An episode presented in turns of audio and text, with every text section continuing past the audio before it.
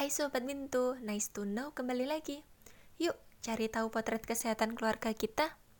Keluarga merupakan unit terkecil dari masyarakat, sesuai siklus kehidupan terkait kesehatan, seperti yang pertama, kesehatan maternal dan neonatal, kemudian kesehatan bayi dan anak balita, kesehatan anak usia sekolah dan remaja, kesehatan usia reproduksi, dan yang terakhir, kesehatan lanjut usia.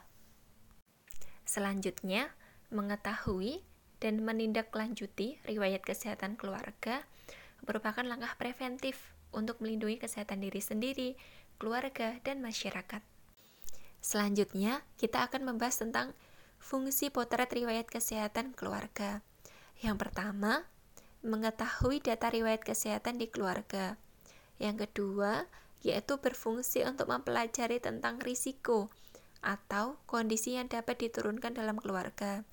Yang ketiga, untuk mencetak riwayat kesehatan keluarga untuk dibagikan dengan keluarga atau penyedia layanan kesehatan.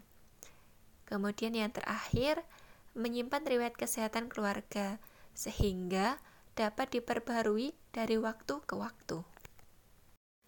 Setelah mengetahui pentingnya riwayat kesehatan keluarga, yuk kumpulkan informasi tentang orang tua, saudara perempuan, saudara laki-laki, saudara tiri, anak-anak, kakek nenek, bibi, paman, dan keponakan.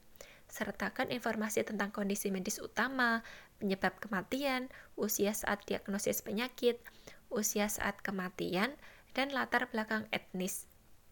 Menemukan riwayat penyakit lebih awal sering kali dapat berarti kesehatan yang lebih baik dalam jangka panjang.